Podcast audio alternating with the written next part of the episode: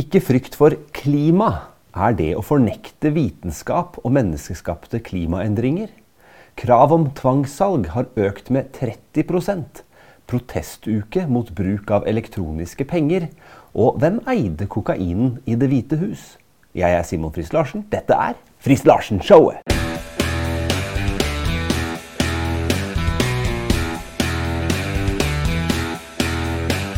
Å ikke frykte for klima er det å fornekte vitenskap og menneskeskapte klimaendringer. Vel, det er det nå, ifølge Romerikes Blad. Og jeg anbefaler Romerikes Blad. Jeg leser Romerikes Blad. Derfor så blei jeg overraska over at de ikke tok inn et leserinnlegg som jeg nylig skrev. For i løpet av åtte år som kommunepolitiker så har de jo tatt inn alt de har skrevet hittil. Så jeg lurte på hva kommer dette av, da? Så fikk jeg et svar på det spørsmålet. Hei, viser til etterlysning av ditt leserinnlegg. Det er stor pågang av innlegg i forbindelse med kommunevalget om en måned. Innlegg om fornekting av vitenskap og menneskeskapte klimaendringer prioriterer vi uansett ikke å bruke tid på. Hilsen politisk redaktør. Vel, jeg har jo brukt tid på å skrive dette leserinnlegget. Og det handler jo da hovedsakelig om hvordan vi budsjetterer pengene i kommunen. Så jeg skal lese dette innlegget for deg. Frykt ikke for klima, frykt heller dagens klimapolitikk. Konservativt vil avvikle kommunens klimafond og budsjettere disse midlene til andre nyttige formål. Like etter forrige kommunevalg vedtok vi i kommunestyret å selge eiendommen Holt skole. Ikke lenge etter det vedtok flertallet utslippsfri byggeplass på nye Fjæringby skole. Dette klimatiltaket medførte en ekstrakostnad på Fjæringby som beløp seg til mer enn salgssummen av Holt. Salget av Holt skulle gi kommunen inntekter, men hva satt vi igjen med etter ekstrakostnaden på Fjæringby? Luft og 1,5 million kroner i høyere gjeld. Utvalg for klima og miljø ble også opprettet etter forrige kommunevalg. Og det gikk ikke lang tid før de ba om og fikk tildelt et eget klimafond kroner 4 millioner av våre fellesskapsmidler har flertallet bestemt at dette utvalget skal gi til lokale klimatiltak. Bl.a. noen solcellepanel er visst viktigere enn mer penger til eldreomsorgen og skolebøker. Problemet med klima er at det vitenskapelige grunnlaget for klimapolitikken er bygget på doktriner som sier at vi angivelig kjenner jordas optimale temperatur, klimatilstand kjenner det optimale atmosfæriske CO2-nivået, og at det, det, er det atmosfæriske CO2-nivået som styrer temperatur og klima. Det vil aldri bli mulig å få verifiserbar kunnskap om disse antagelsene. At utslippene forårsaket av mennesker er neglisjerbare i forhold til det naturlige kretsløpet til CO2. Og at det ikke er mulig å måle evaluere effekten av klimatiltak er faktum som aldri kommer frem i klimadiskusjonen.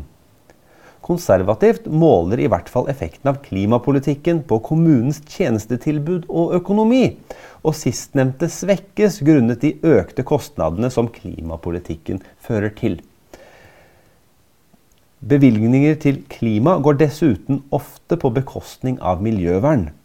Vi frykter ikke for klima, men vil som et miljøbevisst parti jobbe for at vi fortsetter å ha ren luft, rent vann og tiltak mot forsøpling.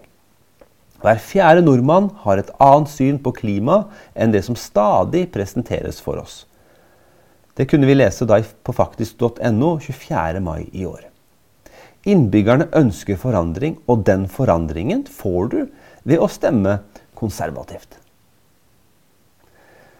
Så eh, er det noe her om fornekting av vitenskap?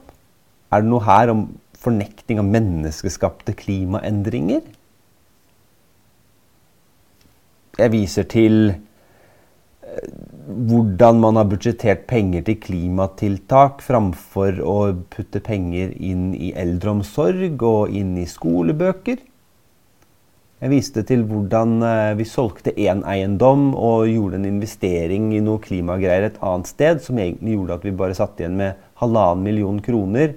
En eiendom mindre tapt. Halvannen million da i minus. Og luft. Så det er fellesskapsmidlene.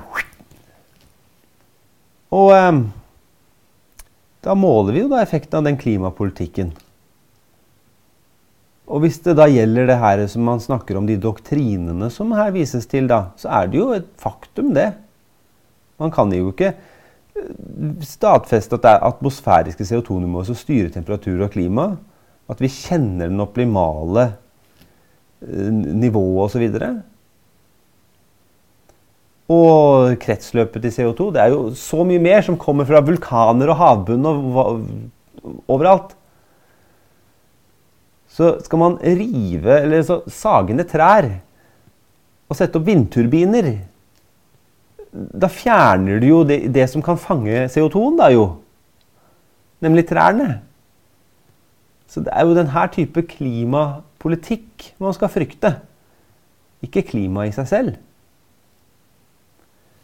Så eh, dette leserinnlegget, da, som ikke kom på trykk, det har jo i hvert fall du nå hørt. Og del det gjerne videre. Krav om tvangssalg av boliger har økt med nesten 30% i Oslo. Det står å lese bl.a. i I Nyheter. Det siste halvåret har det vært en økning av folk som må selge boligene sine fordi de ikke klarer å betjene lånene sine. Det skyldes i stor grad økte renter og høyere priser. Tall fra Domstolsadministrasjonen viser at antall begjæringer om tvangssalg av boliger i Oslo har økt med 28% første halvår i år, sammenlignet med første halvår i 2022. Enda verre er det i tingrettskretsen Nord-Troms og Senjam, hvor det har vært en økning på hele 48% Flere andre steder i landet er det også en betydelig økning fra i fjor. De som rammes ofte, er folk som mister jobben, er i jobbskifte, har problemer i familierelasjoner eller går gjennom samlivsbrudd, da, sier en advokat her, da. Og det står også da at det gjør at renteøkningene treffer hardere. I tillegg kommer økte priser på mat, strøm, drivstoff med mer. Og der har vi nok kjernen, roten til problemet. En ting er at vi hadde en tid med veldig lav rente hvor det var veldig lett å få lån Eller lett, veldig og ledig altså, Hvor det var mulig å få lån. Og folk kunne ta opp mer lån enn de kunne klare å betjene hvis at man ikke tok med i betraktningen at renta kunne økne. Så, så noen har kanskje tatt for mye lån enn det de kunne ha risiko for å gjøre i utgangspunktet. Men jeg tror flert, flesteparten her er helt sikkert folk som klarer å betjene lånene sine under normale omstendigheter. Men nå er det dyrtid. Høyere priser på mat, strøm, drivstoff osv. Og, så og så høyere rente. Og så klarer man da ikke å betale de løpende utgiftene. Og hva gjør politikere med det? Nei, det De er broilere som ikke kjenner eh, den virkeligheten som folk lever i. Som ikke våger å ha noen meninger om noen ting som kan være noe så upopulært. fordi nei, da blir de upopulære i partiet sitt, og da blir de utstøtt av partiet. Og da kan de ikke ha noe politisk karriere. Det blir en sånn avstand mellom vanlige folk som må betale lånene sine, og politikere som ikke har levd i den reelle virkelighet. Det er derfor man trenger politikere som vet hvordan ting er. Og som også stiller spørsmål ved hva som kan faktisk være årsaken til den situasjonen vi er i. For når du da får dyrere strøm, hva kommer det av? Ja, Det kommer vel av at vi selger unna krafta vår til kontinentet. Som igjen har avviklet atomkraften sin. Så Europa tar imot vår strøm, og så må vi betale mer for strømmen vi har igjen. Altså, den norske vannkraften den er jo utbygga og nedbetalt av våre skattepenger. Så vannkraften tilhører folket. Men så skal vi selge den, og så må vi betale for at strømprisene går opp. Vi skulle jo absolutt ha hatt tilnærma gratis strøm, vi som har vannkraft. Vi som eier vannkraften selv. Men sånn vil ikke dagens politikere stille spørsmål ved. Det samme med drivstoff. Prisene går opp på drivstoff. Man vil jo slutte å utvinne olje. Det vil jo aldri gå. Man må jo ha den energikilden som det er mest av. Og eh, økte priser på mat. Økte priser på renter. Hvorfor kommer alt dette her? Det er jo så mange ting som klimapolitikk som man velger. Det grønne skiftet og alt dette. Man skal altså investere i fordyrende ting. Istedenfor å satse på det vi har, som er rimelig kraft. Istedenfor å ha egenprodusert mat, så skal vi være avhengig av bare å kjøpe inn mat fra andre steder. Istedenfor å kunne utvinne og raffinere vår egen olje til bensin osv., så, videre, så skal vi drive og kjøpe den tilbake. Først skal vi pumpe opp olja, så skal vi selge olja, så skal vi kjøpe drivstoffet tilbake. Og ikke nok med det, men så skal man jo ha det til at folk ikke skal kjøre bil engang. Prisene går opp og opp og opp. Og hvem sin skyld er det? Ja, politikerne vil si at ja, det er din skyld, egentlig. Ja, for du må være grønnere. Ja, vi må satse mer på eh, det grønne skiftet og dette. Hvor lenge skal du tro på dette her? Og tror du det blir bedre å stemme på Høyre? Aldri i verden. Det blir bare mer av det samme. Det blir faktisk kanskje verre. fordi at det, det er jo bare EU og Verdens eh, helseorganisasjon og Verdens økonomiske forum og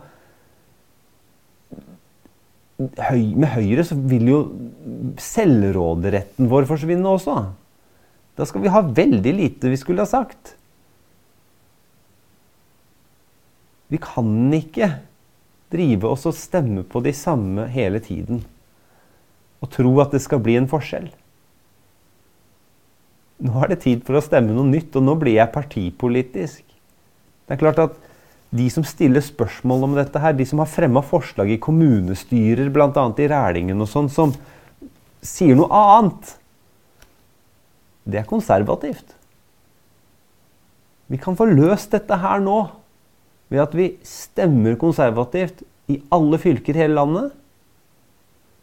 Og i de mange kommunene som konservativt stiller liste. Så alle kan stemme konservativt på fylkesnivå. Og så stemmer man det i alle de kommunene som partiet stiller også. Da kan vi ha en økonomistyring og en klimapolitikk og en annen måte å gjøre ting på som gjør at folk igjen kan klare seg og faktisk ha mer til overs. Australia er i ferd med å bli kontantfritt. Og I den forbindelse så har det blitt arrangert en protestuke mot bruk av elektroniske penger. og Folk har blitt oppfordra til å bare bruke kontanter. Og Dette her er ting jeg håper vi ser mer av. For det er så viktig at vi har kontantene. For uten kontanter så er vi bundet av den til enhver tids rådende politiske ledelse. Da har man ingen frihet. Det står her australske borgere oppfordres til kun å betale med kontanter. Det er da i dokument.no. Og en rekke, i en rekke annonser bes folk slutte seg til kontantbevegelsen. Hvis alle kun bruker kontanter, vil det kun gagne oss vanlige mennesker. Bli en del av bevegelsen. Små skritt vil gi store gevinster for alle. Og hva er viktig med dette her? Det er jo så lettvint å bruke kort eller vips eller andre ting.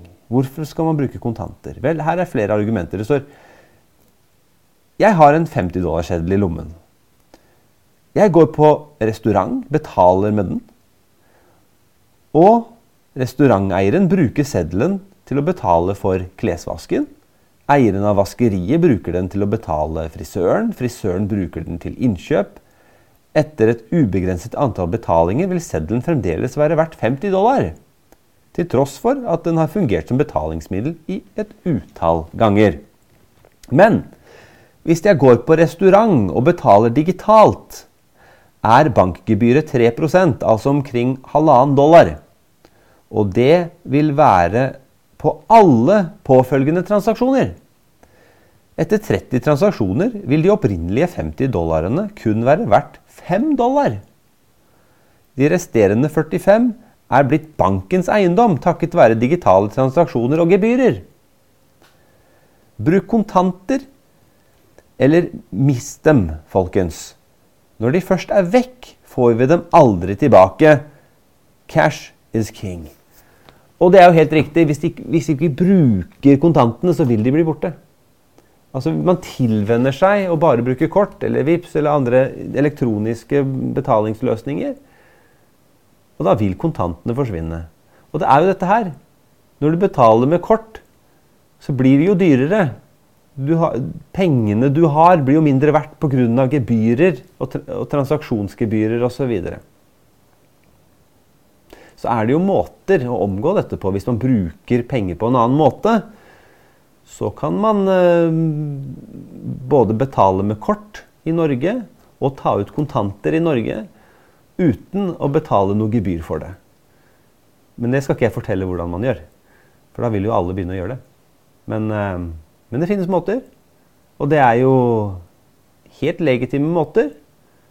Man må bare bruke pengene på en annen måte enn å bruke bankkortet hver gang man betaler, for da blir det dyrt. Det fins masse penger å spare på å ikke bruke det vanlige bankkortet og betale med, for da betaler man masse i ekstra gebyrer. Men ta ut kontanter hver måned. Og bruk kontanter. Det er faktisk veldig lettvint. Det er ikke vanskelig å gå med kontanter. Det er jo, Da har man jo pengene, da. Og så må man oppfordre andre til å bruke det også. Og hvis det er steder hvor de sier at de ikke tar imot kontanter, vel egentlig så er det jo ikke lov, da.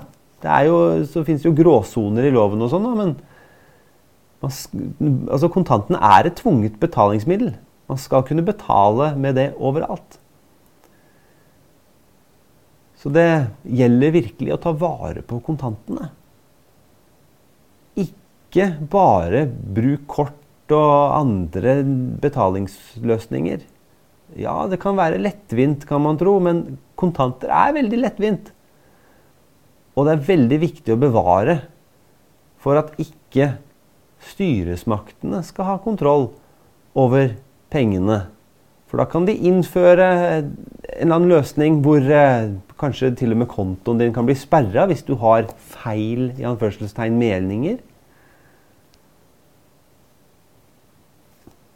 Man må ha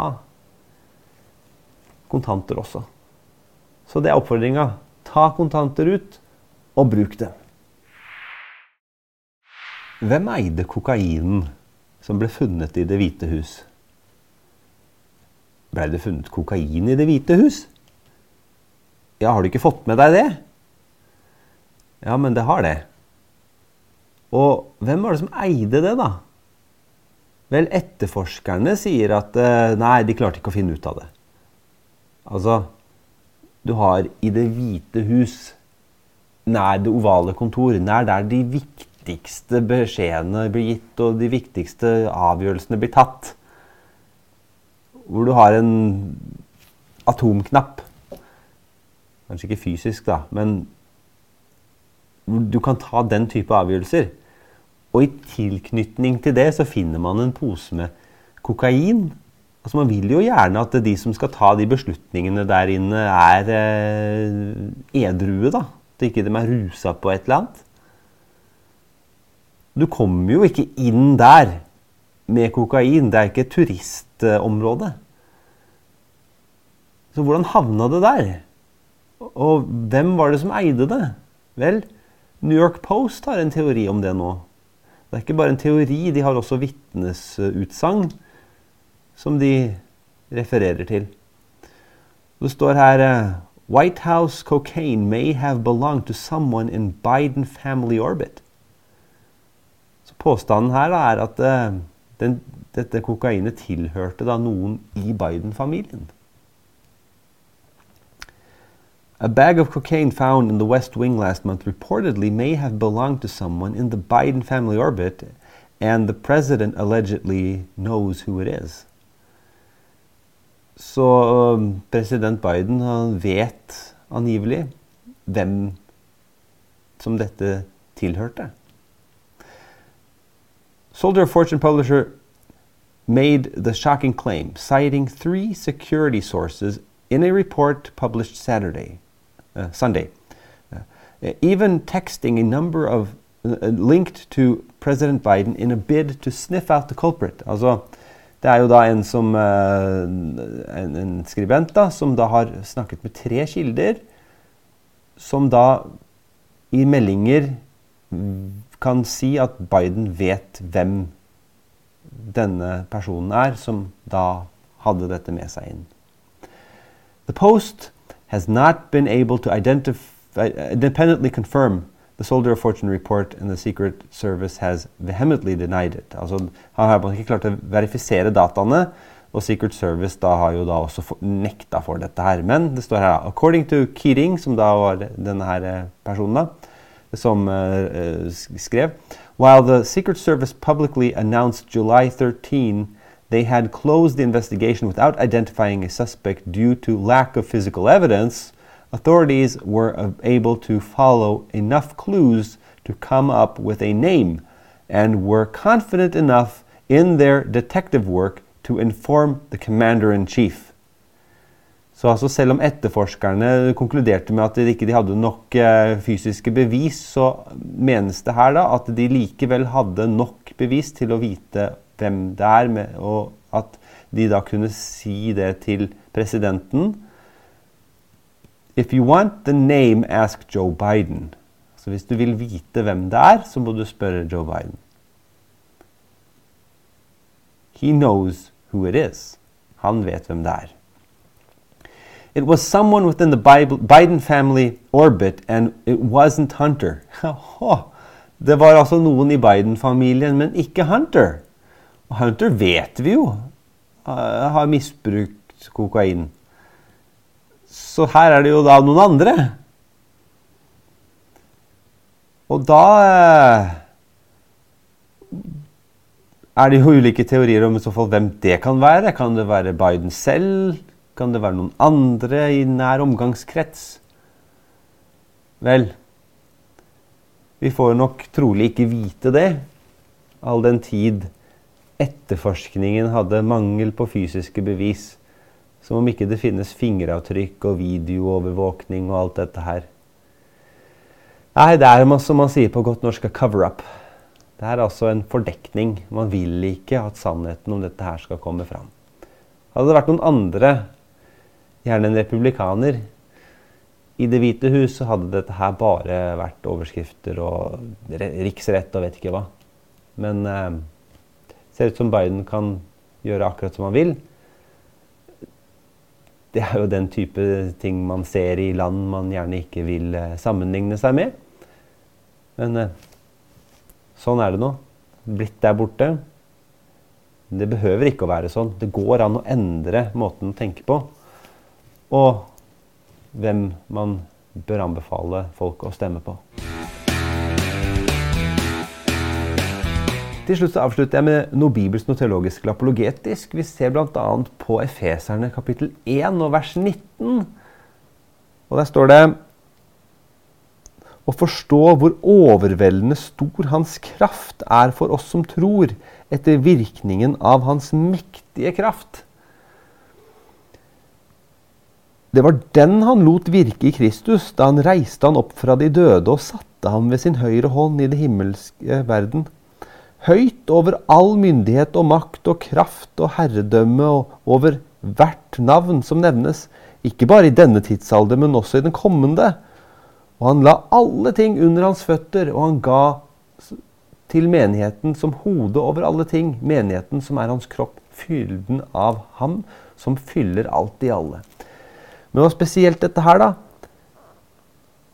Hvor overveldende stor hans kraft er for oss som tror. Den samme kraft som reiste Jesus opp fra de døde, den er virksom i oss som tror på ham. Ja, Hvorfor det? Fordi at i Kristus ble vi også oppreist. Vi som var døde i overtredelser og synder, vi ble vekket i liv. Vi fikk våre synder tilgitt. Så oppstandelseskraften som var over Jesus der, som reiste han opp fra de døde, den er også i oss. Og denne kraften, den så vi også eksempel på i Matteus kapittel 8, hvor det da står fra vers 23 til 27 om Jesus som stiller stormen. For de holdt på å bli tatt av bølgene. Jesus lå og sov, faktisk. Så vekker de han. Og Så sier de, 'Bryr du deg ikke om at vi går under? Du må frelse oss.' Og så sier han, 'Hvorfor er dere redde, dere lite troende?' Da sto han opp og truet vinden og sjøen, og det ble en mektig stillhet. Da undret menneskene seg og sa, 'Hva slags mann er dette?' siden til og med vinden og sjøen lyder ham. Og Jeg tenkte på dette her når det står hvor overveldende stor hans kraft er. Nå har vi akkurat sett kraften til hans dette ekstremværet. Men det kan jo ikke sammenlignes med hvor overveldende stor Jesu kraft er. Og Jesus stilla jo stormen. Han trua stormen så den stilla. Og så de undra seg hvem er dette. Hvorfor undret de seg over hvem er dette? Fordi at, Hvem er det som kan få vannet til å bli stille ved en kommando? Det er bare ordet. Det er bare Guds ord. Det er bare Gud. Så når Jesus da stiller stormen, så er jo det et bevis på at han er Gud. Og Jesus, den samme kraften som reiste han opp fra de døde, den er virksom i oss som tror.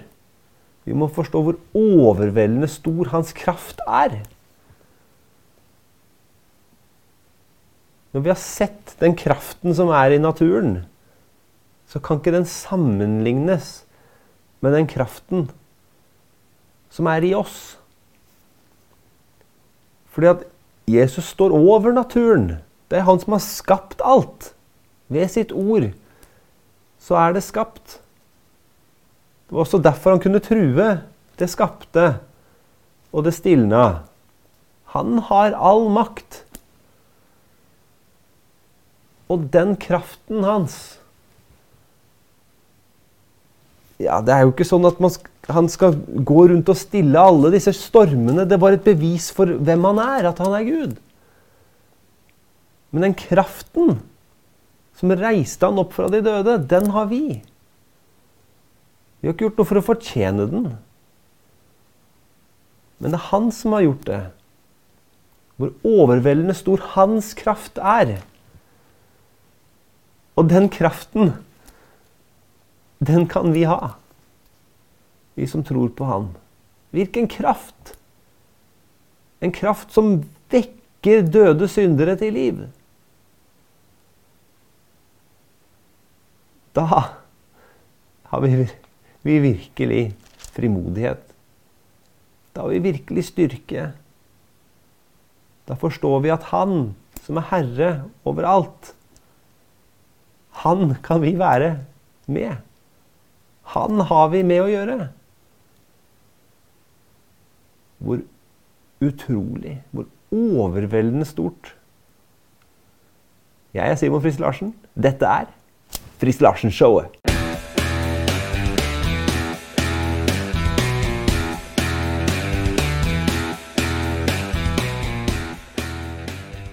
Takk at du ser på eller lytter til Friis Larsen-showet. I dagens politiske mediebilde så når ikke konservative budskap ut av seg selv. Generisk vekst er best, og det oppnås ved aktiv følging, liking og deling. Hvis du setter pris på Friis Larsen-showet, så benytt abonner-knappen på YouTube, følg-knappen på Spotify, og følg gjerne Simon Friis Larsen, kristen politiker, på Facebook.